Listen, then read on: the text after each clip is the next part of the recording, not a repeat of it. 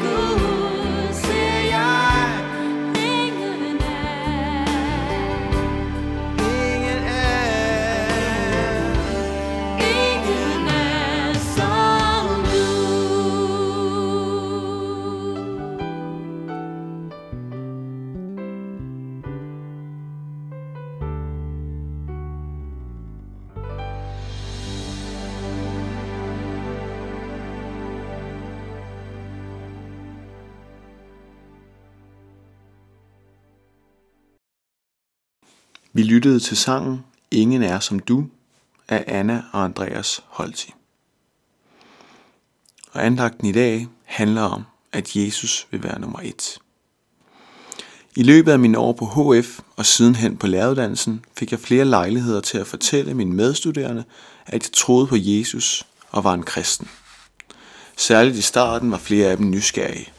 De fandt hurtigt ud af, at jeg hverken bandede eller drak mig fuld, og at jeg i øvrigt var blevet gift langt før de fleste af dem havde skænket det en tanke.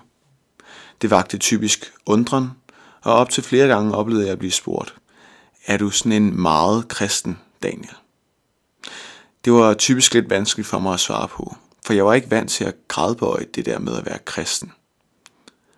Jeg forstår, at mine medstuderende spurgte, som de gjorde, for de mødte pludselig noget markant anderledes, end de var vant til – og den logiske slutning var derfor, at ham Daniel var meget kristen. Siden dengang har jeg tænkt lidt over spørgsmålet, er du meget kristen? For jeg tror, det afslører en tendens i vores samfund. Nemlig det, at man har svært ved at håndtere folk, som sætter alt ind på deres tro. Religiøsitet i det hele taget bliver hyldet. Det er både godt og spændende at lade sig inspirere af buddhismens karmatænkning. Det er fint med alternative religiøse øvelser, og det kan sågar også være okay at tro på ham Jesus, og lige få lidt vejledning og et skulderklap med på vejen. Bare det ikke bliver for meget. Og det er lige her, at Jesu ord og bud i den grad kolliderer med den gennemsnitlige vesterlændings syn på religiøsitet. Vi så på i går, at Jesus hævder, at han er den eneste mulige vej til frelse. For at komme til Gud må vi tro på Jesus. Men ikke nok med det. Jesus kræver førstepladsen i vores liv. Han kræver helhjertethed. At vi sætter alt på et bræt og så at sige tager hele pakken. Og det forarver. Hvorfor nu det? Hvad skete der med den afslappede tilgang til kristendommen, hvor vi går i kirke om søndagen og tager os pænt ud, men så er i øvrigt ikke behøver tænke meget mere på det? Jesus skete, for han kræver at være nummer et i dit liv. Lyt en gang til, hvad Jesus siger i Matteus evangeliet. Den, der elsker far eller mor mere end mig, er mig ikke værd. Og den, der elsker søn eller datter mere end mig, er mig ikke værd. Og det handler ikke kun om familie. Det gælder for eksempel også vores penge. Jesus siger, ingen kan tjene to herrer. Han vil enten hade den ene og elske den anden, eller holde sig til den ene og ringeagte den anden. I kan ikke tjene både Gud og mammon. Og det er høje krav, kan vi synes. Men skal Jesus være din herre, din Gud, så må det være sådan. Så må Jesus være den, jeg adlyder først og fremmest. Så må hans ord være autoriteten i mit liv. Det betyder ikke, at jeg ikke skal elske min familie. Både kone og børn skal jeg elske højt, og det er naturligt, at jeg nærer de varmeste følelser for dem, da de er lige foran mig i kød og blod. Men de må ikke blive nummer et i mit liv. For så er det dem, jeg tilbyder, så er det dem, jeg forventer mig alt godt af, og det kan de ikke bære. Jesus er klar over, at det at følge ham virkelig har nogle omkostninger for hans disciple på flere områder af livet. Derfor kalder Jesus dem og os dig i dag til virkelig at overveje grundigt, om det er det, du vil. Er du parat til, at han får førstepladsen i dit liv? Jesus siger og fortæller om, at man altid vil sætte sig ned og beregne, om man har råd til det hus, man skal til at bygge, inden man går i gang. Og på samme måde, så vurderer kongen altid, om han har gode chancer for at vinde krigen, inden han kaster sig ud i den. På samme måde er Jesu budskab, at vi skal overveje, om vi er parate til at følge ham og give ham førstepladsen med de afsavn, det indebærer.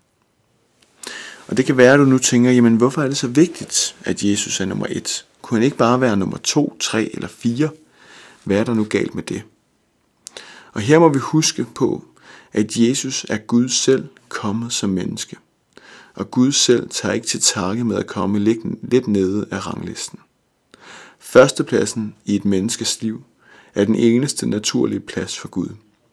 Og så siger Jesus også, at når vi søger Guds rige og hans retfærdighed først, når han bliver det vigtigste for os, så lover han os, at alt det andet skal gives os i tilgift. Det er noget at løfte, og det er ikke så let. Så min opmuntring til dig i dag skal være, giv Jesus førstepladsen i dit liv. Det kræver han. Ikke for at gøre livet surt for dig, nej tværtimod. Når vi tør lade Jesus blive nummer et, så vil vi opleve, at det er langt det bedste for os. Vi skal nu lytte til sangen På nåden i Guds hjerte af Lisbeth Lundgaard.